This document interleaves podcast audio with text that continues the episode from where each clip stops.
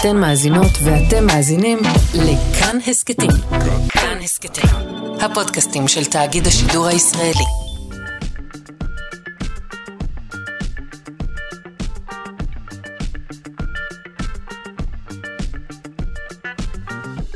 שלושה שיודעים. בוקר טוב, שלושה שיודעים כאן בכאן תרבות, 104.9 או 105.3 FM. גם, כן, גם הבוקר נראה כאן מכל המחקרים, כל הפיתוחים המדעיים והטכנולוגיים אה, וכל מה שבאמת מעניין לדעת. נספר לכם שבשעה השנייה יתארח אצלנו לשעה שלמה דוקטור אייל פריבמן, הוא אנטומולוג והוא ישוחח איתנו על אה, חרקים חברתיים. בעיקר על נמלים, אבל לא רק, לא רק נמלים. Uh, בשעה הזו יהיו כאן uh, שירי אוהדים שונים לרגל המונדיאל, נשוחח על ניקוי הירדן הדרומי uh, וגם על טעויות נפוצות שאנחנו עושים עם אחוזים. העורך, רז חסון, המפיקה תמר בנימין, אל הביצוע הטכני אלון מקלר, אני שרון קנטור, מזכירה שאם אינכם יכולים להאזין כעת אל תמרטו את שארית שערותיכם, אלא אסורו לשידור החוזר בשעה שמונה בערב, או להסכת שלנו, אה, שיושב אה, בנוח ביישומון של כאן, או ביישומון אחר, גם שם הוא נמצא. יאללה, בואו נתחיל.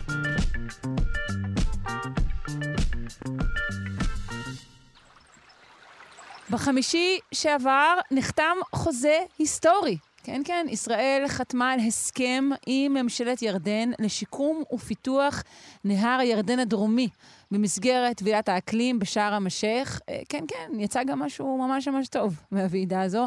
זה ההסכם הסביבתי הראשון שנחתם בין ממשלת ישראל לירדן מאז הסכמי השלום. אה, נשוחח עם אה, אושרי יאלוז, מהנדס רשות ניקוז ונחלים כנרת. שלום. שלום לכולם. בואו נדבר על uh, מצב הירדן הדרומי. מה, מה לא בסדר? כן, נתחיל ונדבר שבמאה השנים האחרונות כולם התייחסו למרחב uh, מורד הירדן כאל החצר האחורית של האזור, ואם uh, ככה נדבר על, ה... על שנות ה-20, עוד שפנחס רוטנברג, ממייסדי הקמת חברת החשמל לישראל, הוגה את אה, רעיון אה, הקמת אה, מתקן ההידרואלקטרי שבנהריים, ובכך הופך את הירדן הטבעי, ההיסטורי, שכולנו מכירים, הופכים אותו לתעלה הנדסית, תעלה שמוליכה בעצם מדרום הכנרת לנהריים, למתקן ההידרואלקטרי שבנהריים לטובת ייצור חשמל. ועל כן נעשה עוול היסטורי למאה השנים הבאות. אתה אומר, שם, שם נטמן זרע הפורענות לגבי הנחל הזה. בדיוק, עוד בשנות ה-20. ונדבר על ימינו אנו, גם היום מתייחסים למרחב מורד הירדן באיזושהי צורה אה, לא נאותה. אה, מוזרמים אה, הטיה של המנות המליחים מצפון הכנרת, פוליה, נור, חמת, מוזרמים בצינור המוביל למלוח ומשתחררים במרחב מורד הירדן, דרומית לסכר אלומות. בנוסף לכך, גם מוזרם ההזרמה האינטנסיבית של מט"ש ביטניה, אותו מט"ש שמטפל בשפכים של העיר טבריה ושל היישובים בסביבה. היום אנחנו נמצאים במצב הרבה יותר סביר של uh, מי קולחין שעברו טיפול שלישיוני ומוזרמים לנחל. לפני 20 שנה גם מוזרם ביוב גולמי למרחב מורד הירדן. ועל כן אנחנו מקבלים מרחב של נחל uh, מזוהם, כמובן שהוא לא ראוי לשימוש ולרחתה של כלל ציבור עם ישראל. ומה הוחלט, על מה הוסכם בהסכם הזה עם ירדן? אני עוד אדבר עוד לפני הנושא של uh, uh, החלטת הממשלה, כן? אנחנו מדברים על החלטת הממשלה שהתקבלה לטובת השיקום uh, והסדרה של מרחב מורד הירדן. רשות ניקוז ונחלים כנרת ביחד עם שותפים נוספים במרחב, שזה כמובן המועצות, רשות הטבע והגנים, הגנת הסביבה ושותפים נוספים, אנחנו פועלים במרחב של מורד הירדן כבר ב-12 שנים האחרונות לטובת השיקום והסדרה במרחב, אם זה אה, פעולות של אה, שיקום אקולוגי שכוללות את תוצאת הסחף הקרקע מליחה, שהצטברה כתוצאה מאותה הזרמה אינטנסיבית שדיברתי בתחילת ההסברים של ההטייה של המנות המליחים ומט"ש ביתני, אנחנו מוציאים את אותה סחף קרקע מליחה מקרקעית הנחל, מפנים אותה ממרחב הנחל, זה בעצם הייתה יריית משליכה להתאוששות האקולוגית רגע, אבל ההזרמה ממשיכה. ההזרמה ממשיכה, אבל אתם, אתם מפנים את, ה, את הקרקעית? אני צריכה להבין.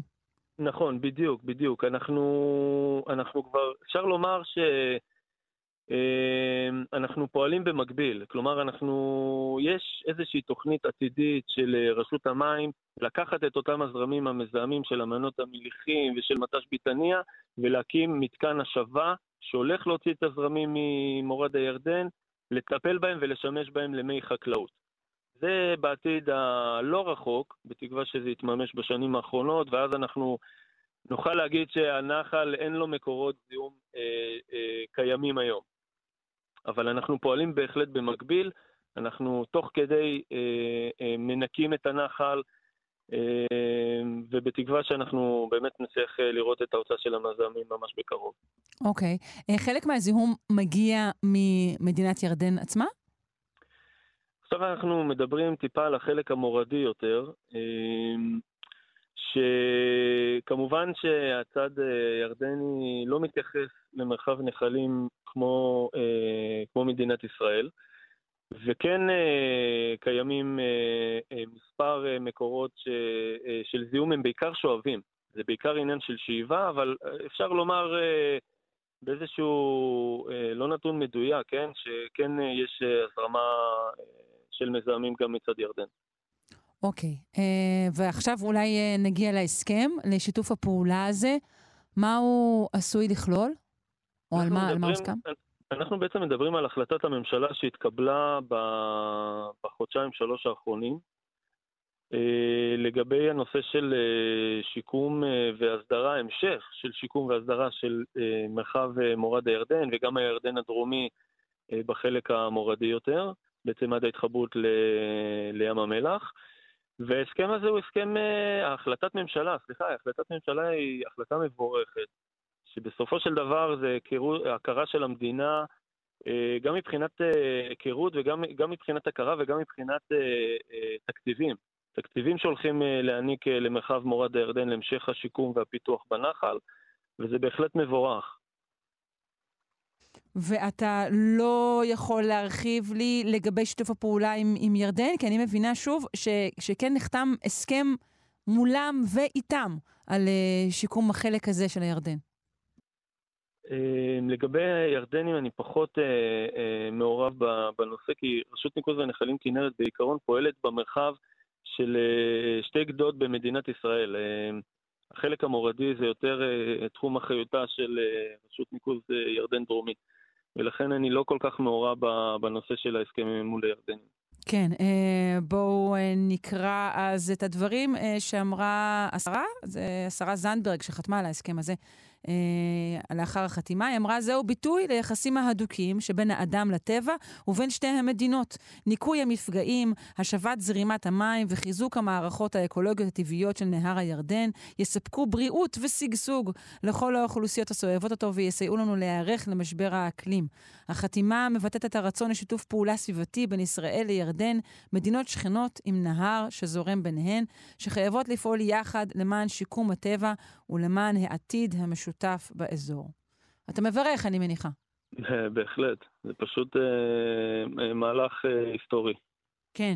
מבחינה של זרימת מים בלבד, כרגע לא משנה אם זה אה, זיהום או לא, יש היום הרבה פחות זרימה ממה שהיה לפני, אה, נגיד, מאות שנים? אה, בוודאי, כי בעצם הכנרת משמש כגוף מים לצורכי אה, לצורכי אה, שתייה, השקיה לחקלאות, ועל כן אה, משחררים היום, בימינו, משחררים מנת ברזל להחיות את מרחב מורד הירדן על מנת לא לייבשו, וזה בהחלט לא מה שהיה בעבר, אוקיי? בתקופה לפני ההתערבות האנושית, אבל אני יכול לומר ככה בנימה אופטימית שכן יש חשיבה גם של רשות המים, גם של המדינה, לשחרר כמויות הרבה יותר גדולות למרחב מורד הירדן. אה, מדברים על אה, כאשר יקימו את מתקן ההשבה שדיברתי אה, בהתחלה, ותוכנית המים הולכת לשחרר סדר גודל של עוד 50 מיליון קוב בשנה למורד הירדן.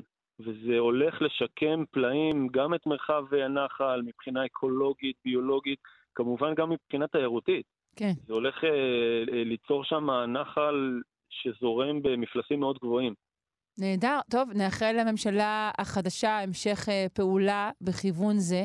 ונודה גם לך, אה, אושרי אלוז, מהנדס רשות ניקוז ונחלים כנרת, על השיחה הזו. תודה לכם.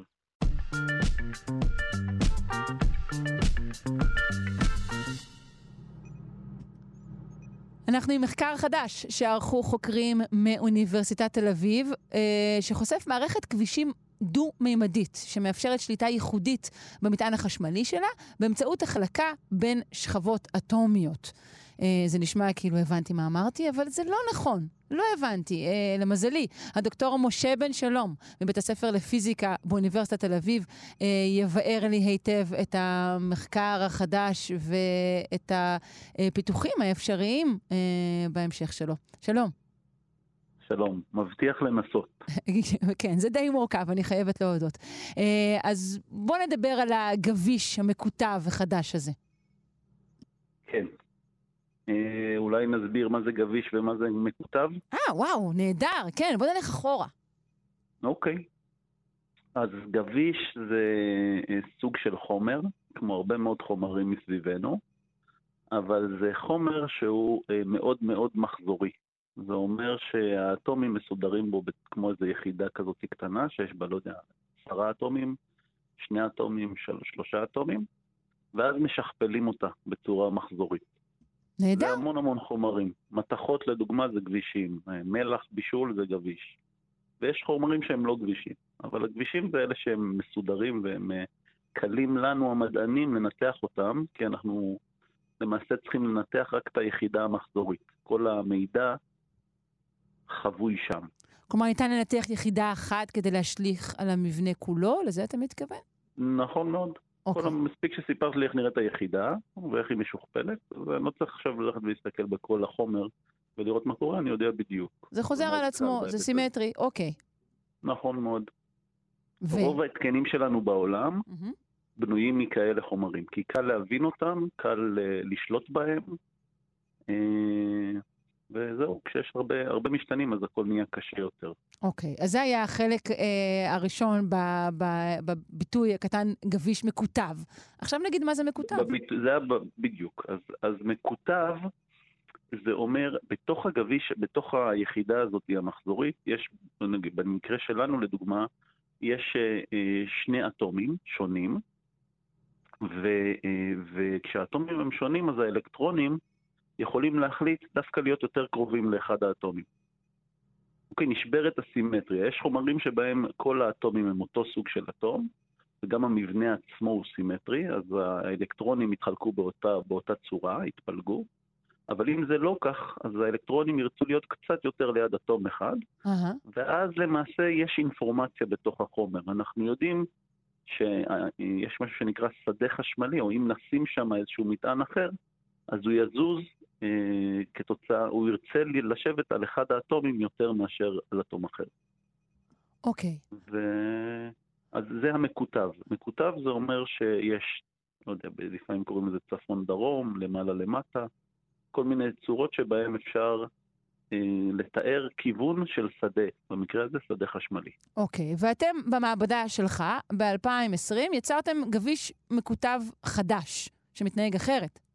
נכון. זה היה מאוד מאוד מדליק, אה, כי בדרך כלל הטבע רוצה כמה שיותר אה, ליצור סימטריות. ככה האטומים מתקרבים יותר אחד לשני, ואז אה, זה מוריד את האנרגיה של המערכת. מה שעשינו במעבדה זה הפרדנו, היו לנו מין כבישים שהם מגיעים שכבה-שכבה, ואז אפשר להפריד את השכבות ולהרכיב אותם יחד, אבל סובבנו למעשה את אחת השכבות מחוץ לצורה שבה הטבע בוחר לגדל את הגביש הזה. ואז Mm. כשזה מסובב, אז הם עדיין מסתדרים באיזושהי צורה סימטרית, אבל פחות סימטרית מהקודמת, והצורה הזאת היא מקוטבת. מה יוצא לך מהפרעה כזו לסימטריה של הטבע? אז, אמר, אז היום נגיד, זה שאני מדבר איתך במכשיר סלולרי שלי, או למעשה כל רכיב אלקטרוני כזה, משתמש בכיתובים האלה אה, אין סוף פעמים. ככה אנחנו למעשה שומרים מידע, או, או מנתחים מידע, או מעבדים מידע. דרך ממש השליטה הזאת בכיתובים, במבנים גבישיים עם מעט אטומים בתא יחידה. אז uh, מה לי יוצא, אותי זה סתם מעניין לראות איך האלקטרונים, לאן הם לא הולכים. התכוונתי לך אישית, כמובן. אבל לעולם, זה בדרך כלל כשאנחנו מגלים אה, מבנים חדשים או, או תופעות חדשות, או מצליחים להבין יותר טוב מה האלקטרונים בדיוק בוחרים לעשות, אז בסוף יוצא מזה משהו, מתישהו. אוקיי. אה, יש כאן מושג שסקרן אותי אה, בהקשר של מה שתיארת, אה, שנקרא אה, בעברית החלקטרוניקה, שזה סוג של, נגיד, זה מתורגם מ slidetronics. נכון מאוד. תוכל להסביר את המושג הזה? כן, אבל אולי אני אסביר קודם מה, מה, זה מה שתיארנו קודם, זה היה במחקר הקודם. אולי אני אסביר קודם מה גילינו עכשיו, נהדר. שהוא ממש מדליק. אה, אז במחקר הקודם למעשה גילינו שאם משתמשים בשתי שכבות אפשר לייצר את הקיטוב הזה בין השכבות. האלקטרונים יעדיפו לקפוץ מאטומים בשכבה אחת לאטומים בשכבה השנייה. אה, וזו תופעה שהיא מוכרת באופן כללי, פשוט מה שאנחנו גילינו זה שאפשר לעשות אותה רק במערכת שבה יש, שהיא בעובי של רק שתי שכבות. אז אוקיי. זה היה מאוד מדליק אז. עכשיו, למעשה שמנו עוד ועוד שכבות, שזה כאילו לחזור למה שאנשים עשו בעבר. אבל מה שקורה במערכת הזאתי, זה שהאלקטרונים קופצים בין השכבות בצורה מאוד מאוד מוגדרת. זאת אומרת, אה, אם אני אשים אה, חמש שכבות, אז יהיו אותן קפיצות למעשה. אז אה, אם אני אעקוב אחרי השדה החשמלי, הוא יגדל באותן מדרגות כאלה, או הפוטנציאל החשמלי יגדל במין שלבי סולם, שזה מאוד מאוד שונה מכל הכבישים שמוכרים לנו. בדרך כלל, האלקטרונים לא עושים צעדים כאלה, בדרך כלל הם, א', הם מאוד דוחים אחד את השני, הם לא אוהבים כל כך אחד את השני, ואז כששמים שתיים, או שמים שלוש לעומת שתיים, יש הרבה יותר ריבים. הם מתחלקים בכל מיני צורות משוגעות. אז פה, במערכת הזאת, בגלל שהקפיצות או השכבות הן נפרדות מספיק, אז הקפיצות הן מאוד מאוד מוגדרות, הן מספרות לנו טוב מאוד על מה בדיוק עושים האלקטרונים, וגם אם אנחנו נרצה לחשוב על זה להתקנים עתידיים, אז אפשר באותה מערכת לייצר כל מיני יחידות אינפורמציה. במקום שיהיה רק קפצו או לא קפצו, כמו שיש בכל ההתקנים היום, יהיה אפשר להגיד קפצו שתי שכבות, קפצו שלוש שכבות, קפצו ארבע שכבות, והכל באותו התקן. אז, אז בהיבט הזה זה גם כן uh, מעניין. שההתקן הזה הוא הסולם הזה שתיארת? בדיוק, בדיוק. זה ממש סולם של פוטנציאלים חשמליים. והטבע בדרך כלל לא, לא אוהב כאלה דברים. בדרך כלל אה, בעולם של האלקטרונים ושל האטומים אין את התכונה הזאת שאנחנו קוראים לה לינארית. אהה. שמים אה, אה, אחד ועוד אחד, אחד- ועוד אחד על השני, כאילו. כמו, מהמם. בדיוק.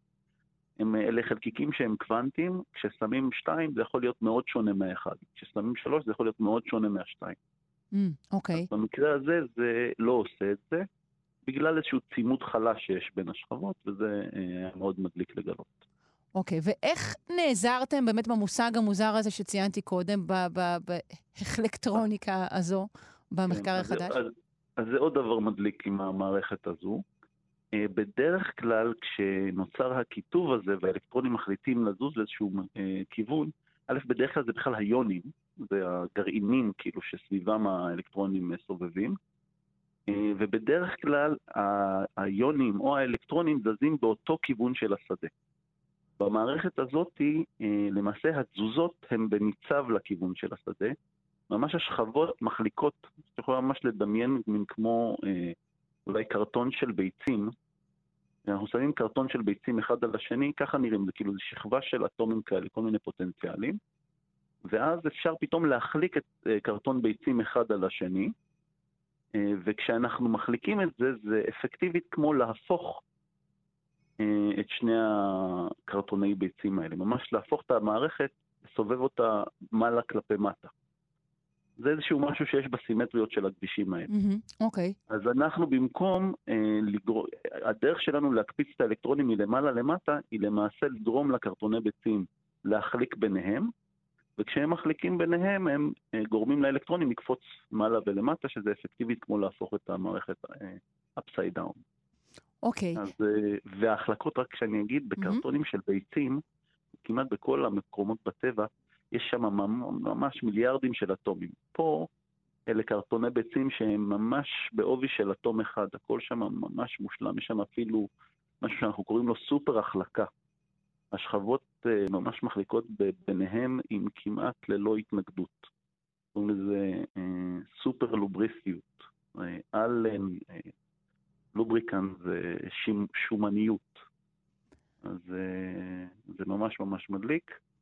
אני יכולה לשאול אותך שאלה עקרונית? זה למה אנחנו נהנים מהשם. כן. חוץ מזה שהמצאנו אותו, שזה גם... זה שם מעולה, השם מעולה, slidetronics. במעבדה שלך, שהיא המעבדה לחומרים קוונטיים שכבתיים, העבודה היא עבודה אה, יותר פיזית, יותר תיאורטית? גם וגם? אה, כן, גם וגם. אה, אז במאמר הזה יש שילוב גם של המעבדה שלי, וגם של אה, חבר'ה שעושים עבודה שהיא רק תיאורטית. אה, פיזית פה, מי שלדוגמה מצוין במאמר, זה דוקטור סורוב דב ונועם רב, הם ממש עבדו בידיים, אפילו הם עבדו עם, עם משהו שאנחנו קוראים לו אה, scotch tape. למעשה הם לקחו סיליקון, אה, סליחה, סלוטייפ, mm-hmm. כדי להפריד את השכבות האלה, ממש אטומים, בוד, לעובי של אטומים בודדים, הכל מתחת למיקרוסקופ, ממש מין כמו עבודת נגרות כזאת, בממדים מאוד קטנים. אה, אבל על הרעיונות ועל המודלים שאנחנו כותבים, והניסיון לנחש לאן בדיוק האלקטרונים יקפצו, בשביל זה אנחנו משתמשים במחשבים אחרים או בתיאוריות פשוטות, ומנסים להבין מה הם יעשו ואיך אפשר לשנות את המערכת כדי שנביא אותם לעשות דברים מעניינים.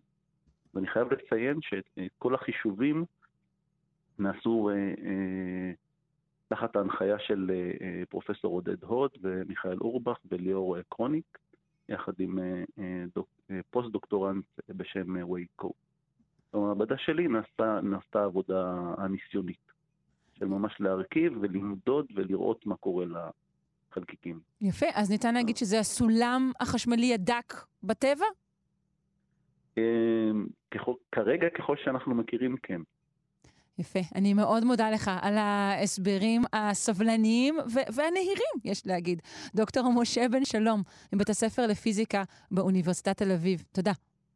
תודה רבה לך, יום טוב. יום טוב.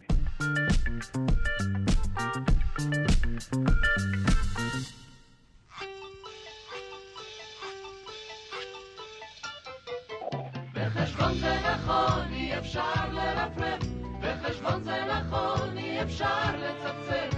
בחשבון זה נכון, אי אפשר לזייף. אך מי אמר שבחשבון אי אפשר לקיים?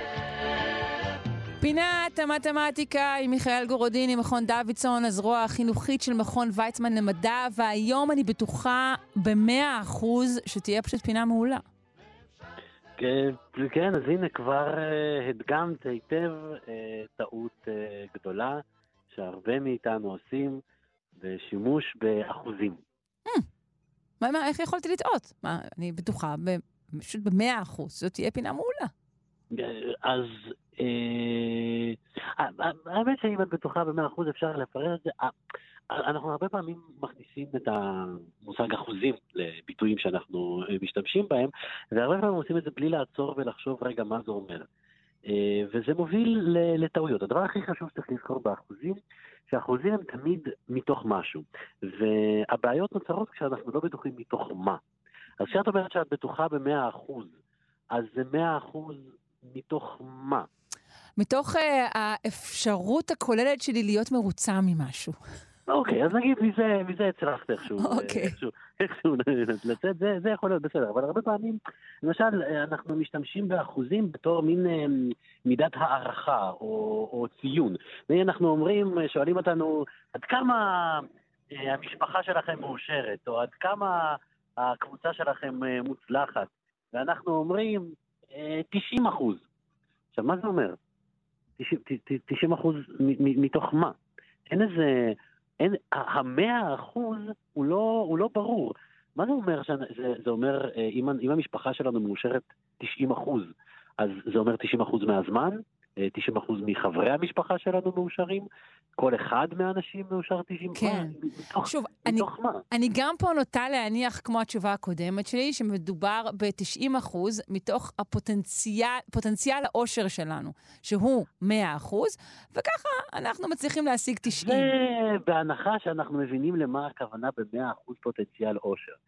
נגיד כשאמרת אני בטוחה ב-90 אחוז, אז זה עוד איכשהו מתקבל על הדעת. כי להיות בטוחה 100 אחוז זה אומר שאת לחלוטין בטוחה ולא מוכנה לקבל שום אפשרות שאת טועה. אבל מה זה בטוח ב-90 אחוז זאת סתירה? זה אומר שאתה לא בטוח. אבל אה, זה מילא, אבל מה להיות מאושר ב-100 אחוז? זה אומר שאת מאושרת לחלוטין, במק אין לך יותר קיבולת עושר. זה, זה דבר ראשון שאנחנו לעיתים טועים, ומכאן זה הולך, ו... זה הולך ומחמיר. אה, אנחנו אה, לפעמים אומרים, יש לו 70% סיכוי לנצח במשחק. Mm. זה, זאת פשוט אמירה חסרת פשר. אה, זה לא משהו ככה מבוסס על מתמטיקה וסטטיסטיקה? אין שום משמעות לאמירה הזאת. אנחנו מדברים על העתיד, ואנחנו מדברים שבעתיד יש לו סיכוי של 70%, אבל, אבל מתוך מה? מתוך כל העתידים והתרחישים האפשריים. עכשיו, אם זה באמת משחק של מזל, ויש לפנינו את ההסתברויות, אז בסדר, אני יכול להגיד שאם אנחנו מטילים מטבע ואת מנחשת וצופה לי, יש לך סיכוי של 50% לנצח. אבל אם אנחנו עכשיו אה, מתערב, אה, מדברים על המשחק, אה, משחק הכדורגל הקרוב במונדיאל, ואת אומרת לקבוצה שלך יש 70% סיכוי לנצח במשחק הבא. מה זה אומר? 70% מתוך מה? איזה אחוזים? אין פה שום אחוזים, אה, זאת אמירה חסרת משמעות לחלוטין. סתם הכנסת אחוזים כדי שתשמעי יותר אה, רצינית. זה נשמע ככה, כן, מדעי כזה, כן. כן, זהו, זה, זה, כל שזה, זה כל מה שזה עושה. והדבר החמור ביותר, הוא, אם, אם חשבת שלדבר על העתיד זה בעייתי, הרבה פעמים זה בעייתי במיוחד כשמדברים על אהבה. למשל, אה, הלכת להיבדק באיזושהי בדיקה רפואית, אה, ויש לה, אה, ואת אומרת לי, הבדיקה יצאה חיובית, אז יש סיכוי של 95% שאני חולה באמת. עכשיו, זה כבר ממש טעות מוחלטת, כי הסיכויים שאת חולה באמת הם או 1 או 0. אם את באמת חולה, אם המציאות היא שאת חולה, אז, אז הסיכוי שלך להיות חולה הוא 1. ואם המציאות היא שאת לא חולה, והבדיקה יצאה, איך אומרים, בדיקה חיובי כוזב, והייתה טעות בבדיקה, אז הסיכוי שלך להיות חולה הוא אפס. אבל רגע, לא מיכאל, הרי בעצם, שנייה, אני אשאל אותך. בעצם מה שאנשים מתכוונים להגיד זה, מתוך קבוצה של 100 אנשים, נגיד, שהיו להם תוצאות כמו שלי בבדיקה, אצל 95 אחוזים מהם, כלומר 95 אנשים במקרה הזה, יצא שהם באמת היו חולים וחמישה לא. וכאן אני מצטרפת לסטטיסטיקה, לא? נכון, אז זאת אמירה סטטיסטית, אבל הרבה פעמים אה, לזה מתכוונים, אבל הרבה פעמים מתכוונים למה שאני אמרתי בהתחלה, שה, אה, שהסיכוי, ממש מדברים על זה, שהסיכוי שלי להיות חולה, יש לי את הבדיקה ועכשיו אני תוהה מה הסיכוי שלי להיות חולה. ו, אה, וזה פשוט שימוש שגוי אה, במונח אה, של אחוזים. עכשיו, את צודקת, לפעמים מתכוונים לזה. לפעמים מתכוונים לזה שהסיכוי של הבדיקה שלי להיות מדויקת. לזה בעצם הכוונה. מה זה הרי? מה זה אומר, אם הייתי לוקח 90, 100 אנשים ועושה להם בדיקות, את לא מדברת על הסיכויים שלך להיות חולה, את מדברת על הסיכויים של, של הבדיקה. נכון, להורות על משהו כזה או אחר, נכון. ולכן אלה לא סיכויים של המציאות. המציאות היא 1 או 0. טוב, אלא אם כן אנחנו הולכים למצבים קוונטיים, ששם זה מסתבך יותר. לא, אבל... לא היום, לא היום. אבל, אבל אם אנחנו לא עשינו את הבדיקה שלנו לחלקיק קוונטי, אלא לבן אדם, אז הסיכוי שלו להיות חולה הוא או 1 או 0. או שהבן אדם חולה, או שהבן אדם לא חולה. לבדיקה יש סיכויים מסוימים להיות אה, אה, אה, מדויקת ולהיות לא מדויקת, ואם נדייק, גם זה לא נכון, כי הבדיקה עצמה היא כבר יצא קרתה. אבל אתה בעבר. נורא דטרמיניסטי, הרי כל המרחב בין הזמן שבו עשיתי את הבדיקה, נגיד, ועד לתוצאה, אני, אני כמין, אה, כמו חתול של שרדינגר כזה, לא? אני גם חולה או, וגם לא חולה. אז זה, זאת, זאת הנקודה שבה באמת יש אי ודאות. עד שמגיעות תוצאות הבדיקה, לבדיקה יש אחוזים מסוימים להיות נכונה ואחוזים מסוימים להיות אה, שגויה. אבל מהרגע שיש לך ביד את תוצאות הבדיקה, או שאת חולה, או שאת לא חולה, אחד או אפס, או שהבדיקה היא נכונה, או שהבדיקה היא לא נכונה. כשאנחנו מדברים על העבר, האחוזים הסיכויים הם 1 או 0. ויש, אה, אה, צריך מאוד מאוד להיזהר, בעיקר אם אנחנו מדברים באיזשהו פורום רציני ומכובד, לא, או, או אם יש מתמטיקאים בקהל שעלולים לתפוס אותנו בטעות ולהתעצבן עלינו מאוד, צריך להיזהר כשמדברים באחוזים, והדרך הכי קלה להימנע מהטעויות האלה זה לוודא עם עצמנו, עמוק בלב פנימה, שאנחנו יודעים אחוזים מתוך מה. ואז מקסימום תוכלי לעשות את מה שאת אמרת לי להסביר, לא, בעצם התכוונתי לכך וכך וכך. אני חושבת ש... לא בטוחים. אני לא יודעת. המתמטיקה צריכה להיות מוחמאת מכך שכל כך הרבה אנשים נהנים להגיד, יאללה, אני אצלך, מחר 90 אחוז אני אצלך. זה, זה, זה, זה, זאת מחמאה, זה אומר שהמספרים חדרו היטב אל, אל, אל, אל, אל שדרות התרבות כולן. כמו שאני אה, אה, אוהב להגיד, למתמטיקה לא אכפת מאיתנו בני האדם, אנחנו יכולים לעשות מה שאנחנו רוצים, והמתמטיקה יש לה קיום משל עצמה, היא מסתכלת עלינו ב... אה, ככה... אה, שוויון בחמלה. נפש מתנשא. כן, אולי, אולי אפילו בחמלה, ומודעת לזה שלפעמים אנחנו טועים, ומצפה מאיתנו להשתפר ולטעות פחות. מיכאל גורודין, ממכון דוידסון, הזרוע החינוכית של מכון ויצמן למדע. תודה רבה. בשמחה.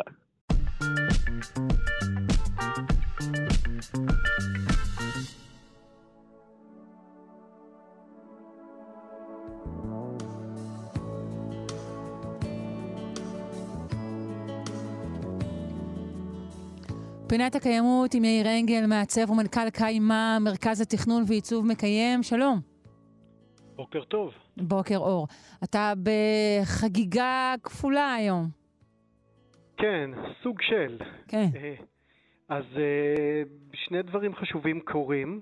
אחד זה קרו, אחד זהו סיום ועידת האקלים, אה, קופ 27 בשארם א-שייח, ותוך כדי הוועידה אוכלוסיית העולם מגיעה לשמונה מיליארד בני אדם. כן. שתי חגיגות מפוקפקות אולי. אה, צחוק ודמע משמשים פה בערבוביה ללא ספק. כן. בוא נתחיל עם הוועידה. אה, אם יש לך כזה, מה שנקרא top 3 או top 5 הישגים שהושגו, או החלטות שיצאנו איתם ביד מהוועידה הזו, אם בכלל. כן, אז, אז החלטה משמעותית ביותר שעברה בוועידת האקלים היא בעצם הקמה של קרן לאובדן ונזק. זה ה-loss and damages אה, וזה משהו שדיברנו עליו בפינה הראשונה בזמן ועידת האקלים, על הרצון של בעצם המדינות העניות, אה, שהן גם, מסתבר חלק גדול מהן הן הפגיעות ביותר לנזקי משבר האקלים, אה, לקידום של צדק סביבתי וחברתי, ולהקמה של קרן שתספק להם בעצם איזשהו פיצוי על הפגיעות של אובדן ונזק מאסונות אקלים, עתידיים או כבר כאלה שכבר קורים עכשיו. Mm-hmm. ובעצם אה, המשא ומתן היה מאוד מאוד אינטנסיבי עד הרגע האחרון של הוועידה. הוועידה הזאת היא נמשכת שבועיים. אה, אפילו הנציגים האירופאים רצו לסגת מהוועידה ולעזוב אותה בגלל חוסר ההסכמות. בסופו של דבר החליטו להקים קרן כזאתי שבעצם מטילה אה, את העברת הכספים למדינות העשירות לתוך אה, המנגנון שיפצה את המדינות העניות. ויש כל מיני באמת אה, מדינות שהן כבר עכשיו בסכנת קיום. מדינות קטנות, איי קיימן למשל, והמדינות גדולות יותר שנפגעות כבר עכשיו יום-יום מבעיות שקורות בגלל משבר האקלים ועלייה במפלס מי הים. עכשיו מצד אחד זה, אה, זה ברור לגמרי שזה צעד מאוד מאוד חשוב, גם בבניית אמון בין המדינות העשירות והעניות אה, וקידום של צדק, צדק סביבתי וחברתי. מצד שני, זה ממש ממש מעט מדי, אה, ואת זה לא רק אני אומר, אלא מזכ"ל האו"ם וגורמים מאוד מאוד חשובים אחרים. אז הבעיה הגדולה היא שהוועידה לא הצליחה להעביר החלטות דרמטיות בקשר ליעדי פליטות של מדינות העולם. ואפילו לא לחזק את ההחלטה ההיסטורית שהתקבלה בוועידות הקודמות של עמידה ביעד של מגבלת 1.5 מעלות, כדי לא לעלות ב-1.5 מעלות ולמנוע את האסון האקלימי. איך אתה מסביר בעצם... את, ה... את הכישלון הזה? זה כישלון. כן, לא רוצים לקחת אחריות.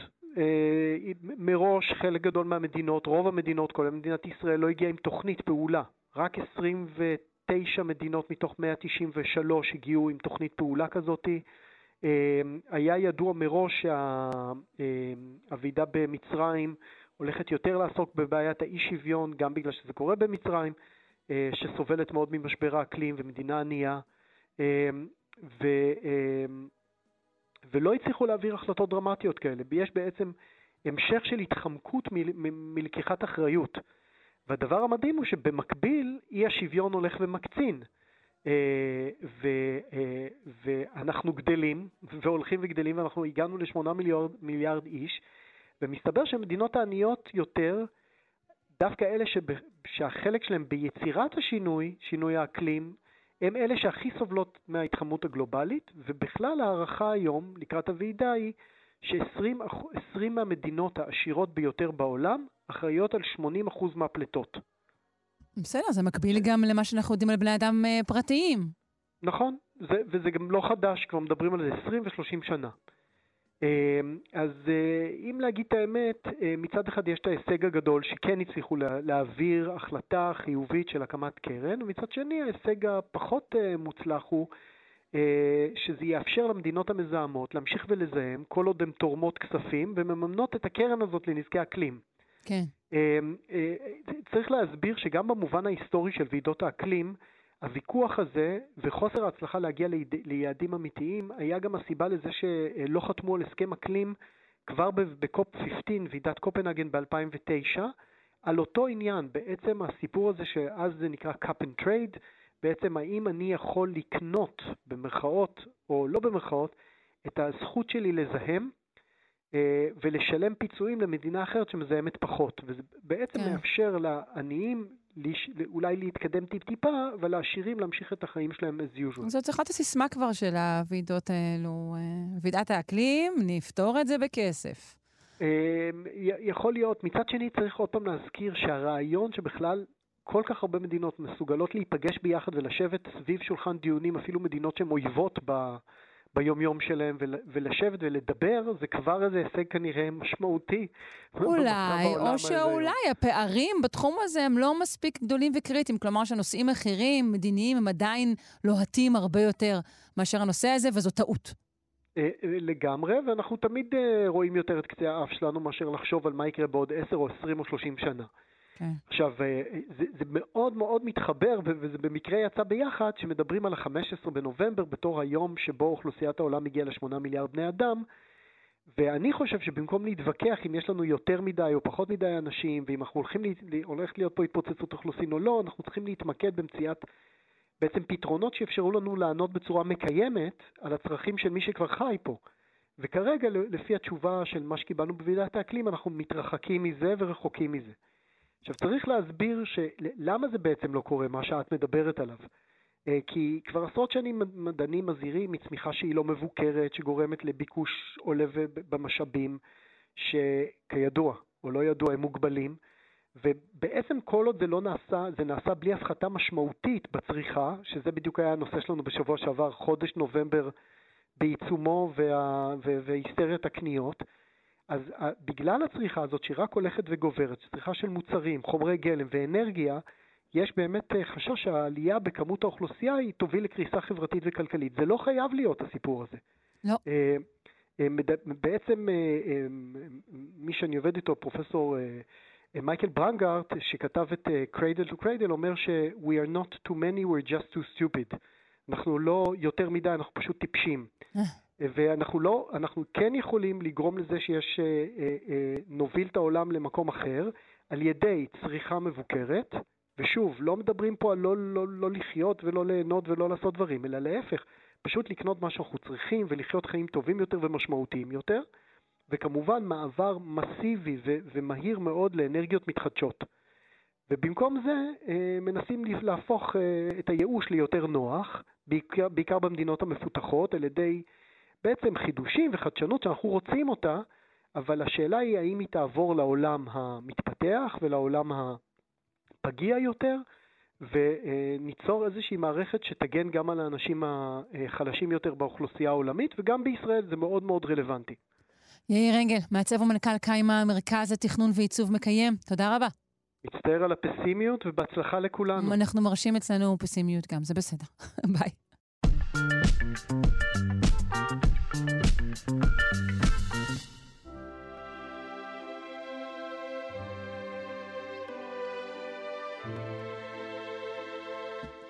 פינת השירה אה, עם רונה ישראל קולט, ווקולוגית ומורה לפיתוח קול במכללת לוינסקי לחינוך מוסיקלי.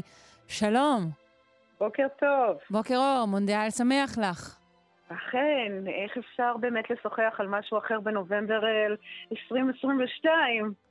אה, אבל באמת, ככל שאני הסתכלתי יותר והתעמקתי יותר בנושא, אני הבנתי שהמונדיאל זה רק תירוץ לשוחח על הקשר הבאמת המרתק והעמוק של אה, השירה לעולם הכדורגל, והוא פשוט נוגע בעצב אה, עצב, לא פחות מקיומי. את מתכוונת לשירת אוהדים למיניה? כן, כן, כן, כן, יש לנו... יש הרבה חומר, אז הפעם אני אדבר על שירת האוהדים. ונחסל, לדעתי יש מספיק חומר לכסות לפחות את uh, כל הפינות שהתקיימו במהלך המונדיאל, ואולי uh, המונדיאל הבא גם. אז באמת אני רוצה להתחיל בצד הקליל, נגיד, של אה, שירת האצטדיונים, או מה שנקרא שירת האוהדים, או השירה בכדורגל, או איך, איך שלא תקראי לזה. וזה התחיל אה, עם, עם תחילת הכדורגל, אבל הסינים יגידו שהם התחילו במאה השנייה או השלישית, אני מתארת לעצמי שרוב תרבויות העולם הם בעטו בכדור או בגולגולת של מישהו, אבל הכדורגל המודרני כפי שהוא משוחק עכשיו, הוא מסורת אנגלית, וכיאה מסורת אנגלית, הם תפסו בעלות על זה שהם, בכך שהם גיבשו את החוקים של המשחק כבר באמצע המאה ה-19, ואז המשחק מתגבש וצובר תאוצה, וליגות והתאחדויות ומועדונים, והוא גם צובר מסורת של שירה. והידיעות הראשונות הן באמת אה, משנות ה-80 של המאה ה-19. אז אה, אם זה התחיל אה, באמצע המאה ה-19, תשאלי למה לקח להם 20 שנה לתעד את השירה, כי זה בעצם הזמן שלוקח לאנגלי מעונב לשחרר את העניבה, כי הכדורגל המודרני הוא תוצר של דווקא המעמד העליון האנגלי, נגיד האוניברסיטאות קיימברידג' ואוקספורד והפאבליק. לא, לא לדמיין אה, חוליגנים של המאה ה-19, אוקיי. לא, להפך, זה מאוד מועדי, ו... אבל זה זלג במורד הסולם המעמדי, נגיד אם את רוצה יחס הפוך, לקולניות או לאקספרסיביות של האוהדים. אז כשאין לך חוקי אה, חברה נוקשים או איזושהי מסורת נוקשה, אז אין לך מה להפסיד, וככה התשוקה והאהדה שלכם אה, הופכות להיות הרבה יותר אקספרסיביות. והמקור גם הופך להיות יותר, בוא נגיד, אה, פופולרי או המוני, לא, לא אליטיסטי. כי השירים שהשפיעו, או לפחות שהפכו להיות השירי אה, מועדונים, הם השירים של ה music hall של המאה ה-19, זה, בוא נגיד, המופעים בפרוטה האלה, צורת הבידור ההמונית. את, את יודעת, זה אקט רודף אקט, זה זמר ומופע כלבים, ואחר כך עקדניות. כן, variety show כזה. בדיוק, בדיוק. ואז השיר המוכר הראשון, הוא באמת התחיל כשיר של musicals, ואז הוא אה, זלג למועדונים, ונקרא Fit ב-Crazy, ואני, אה, אפשר אולי נשים את זה ב... בעמוד פייסבוק שלנו, באמת שיר נורא חמוד, ויש כל מיני uh, גרסאות שלו ברשת של כל מיני קשישים נחמדים שמנגנים אותו, ממש חמוד. אבל אני רוצה שנשמע עכשיו את השיר האוהדים הוותיק ביותר, שמושר uh, מושר ברצף מ-1905 עד היום, הוא נקרא On the Ball, uh, On the Ball City, ושרים אותו עד היום האוהדים של קבוצת נוריץ' סיטי.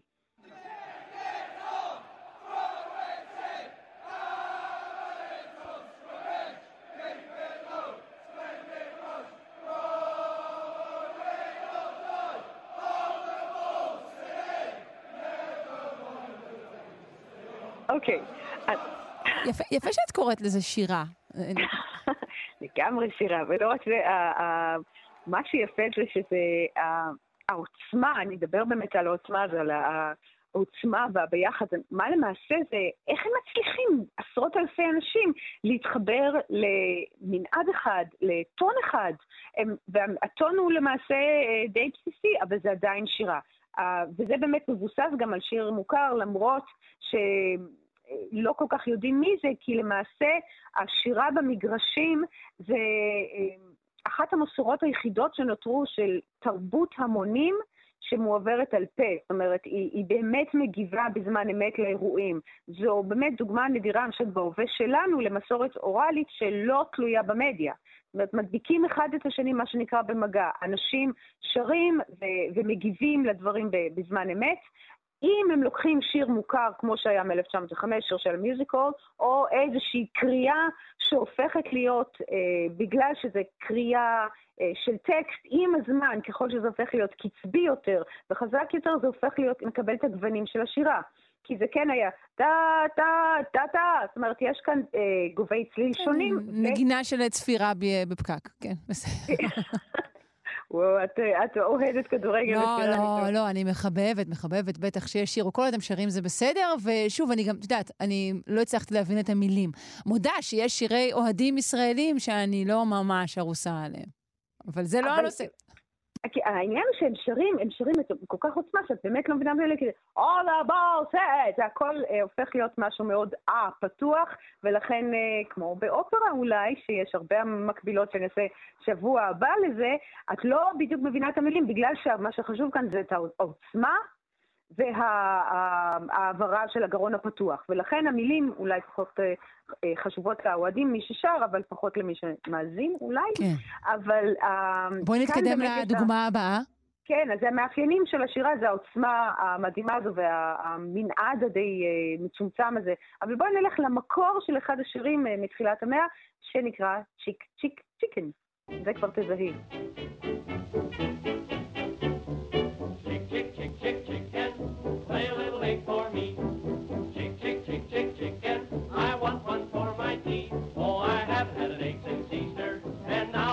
כבר באמת מזהה את האין ספק שזו שירה, והשיר הזה מ-1928, מהמיוזיקול, באמת הפך לקיק, קיק, קיק, קיק, קיק.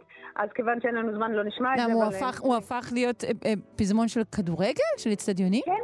לגמרי, אבל זה, אתה יודע, אלה הימים שזה קצת, בוא נגיד, אה, גוון הומוריסטי די נינוח. זאת אומרת, זה לא בדיוק נשמע לך כמו שעכשיו הם שרים, אבל זה באמת, יש כאן אלמנטים מוזיקליים שצריך אותם. החזרתיות, הפזמון הקליט, מנעד נוח, אבל כשישירו את זה, עשרות אלפים ישירו את זה, זה כבר לא יהיה, בוא נגיד, כל כך נינוח, זה יהיה... עם הזמן האלגנטיות הזו קצת עזבה את המשחק אולי, וזה מפלס האמוציות, היצריות, הטסטוסטרון, מפלס הבירה, הסימבוליות של המשחק, החשיבות עולה, ויש באמת אה, מאות מיליונים של אנשים שהזהות והשירה הזו מכתיבה להם את החיים, והשירה באמת אה, משקפת את זה. אבל אה, אני נכנסתי לאתר שנקרא FanChants, והוא סופר ומונה ומקטלג את השירים לפי כל מדינה, לפי הפופולריות, לפי איכות וגם לפי דציבלים. והמגרש של ליברפול הוא החזק ביותר מבחינת דציבלים, בממוצע 97 דציבלים. אדיר. טוב, זה לא מפתיע. אבל, אבל מה העוצמה הזו עושה? היא מגבירה את קצב הנשימה, היא מגבירה את פעימות הלב, את האנרגיה בגוף והאדרנלין, וגם מעלת הלחץ דם ומזעת יתר, מערכת עיכול, זאת אומרת, זה הופך להיות ממש כלי נשק. כלי נשק נגד... אולי נקרא לזה מקור של אנרגיה. או, יאללה, את צודקת. אה, אבל בואי, אני לא רוצה באמת להשמיע עימותים, אבל אני רוצה להשמיע איך הם יכולים לעשות שירת מענה באיצטדיון. האיצטדיון מחולק בצורה ממש זהירה. בואי נשמע אה, חלק של קבוצת אה, אוהדי מרסיי עונה לקבוצה השנייה.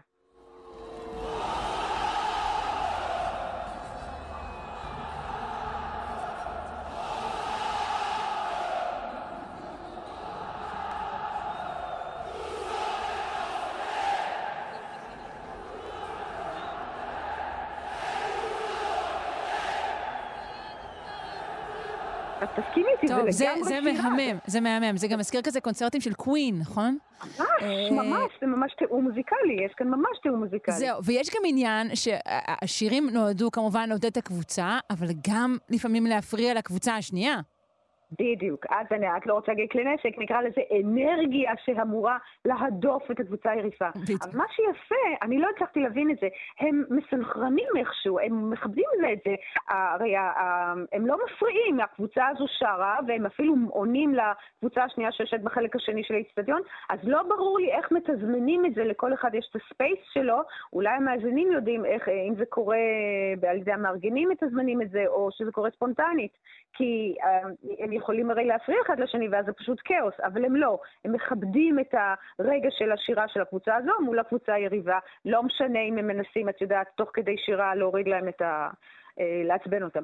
אז אם שיר אחד מוצלח, הקבוצה היריבה באמת יכולה לאמץ אותו, כמו השיר בלה צ'או, שהוא מאוד uh, אפקטיבי, אני באמת אקדיש לו פינה, הוא מאוד, uh, מאוד משרת הרבה מטרות, אבל שרו אותו בהרבה מאוד אצטדיונים, אני יודעת מה, בליבורנו, באריס טסלוניקי, גם פריס סן ג'רמן, אבל אני רוצה שנשמע בלה צ'או באצטדיון לקטקיה בסוריה.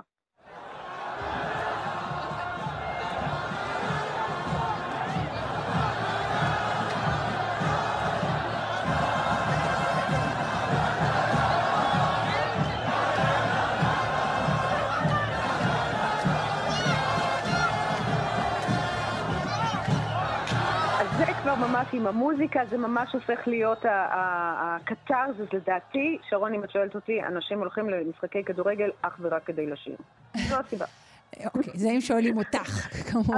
נדמה לי שהם הולכים לעוד כמה סיבות, אבל כן. אני יודעת, יש גם שירת נשים שאנחנו נשמע שבוע הבא, זה מאוד מעניין, אבל לסיים, אני רוצה לשמוע את השיר ששרו בבית שלי כילדה, אה, בבית שלי אהד את ליברפול, ונסיים באמת עם השיר הראשון שלי קפץ לראש כשאני חשבתי על שירי אה, אוהדי כדורגל, אולי לעוד אנשים, זה You'll Never Walk Alone, שבמקור הוא מהמחזמר אה, קרוסל כן. של רוג'ס והמסטיין, ואני חושבת שהשיר הזה הוא כנראה הסיבה שהמגרש של ליברפול הוא החזק ביותר מבחינת דציבלים, כי הוא הפך כבר מעמד מיתי, אני לא אצטרך כן, זה, זה המנון כזה, נכון. ממש המנון, שיר יהפוך להיות שיר עם דתי עוד מאה שנה. אז בואי כן. נשמע את זה, You'll never walk alone. אבל לפני זה ניפרד ממך, רונה ישראל קולט, ווקולוגית המורה לפיתוח כל מכללת לוינסקי לחינוך מוזיקלי. אה, המשך אה, מונדיאל אה, שמח, שלום.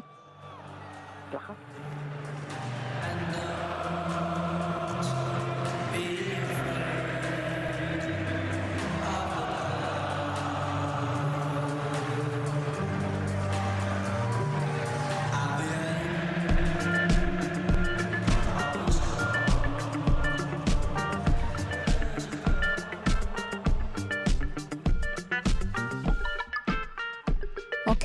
אוהדי שלושה שיודעים, הסתיימה השעה הראשונה שלנו. אה, בשעה השנייה אני אארח כאן לשעה שלמה את הדוקטור אייל פריבמן, הוא אנטומולוג, והוא ישוחח איתנו על אה, חרקים חברתיים. זה יהיה מעניין מאוד, אל תחמיצו. נתראה בקרוב.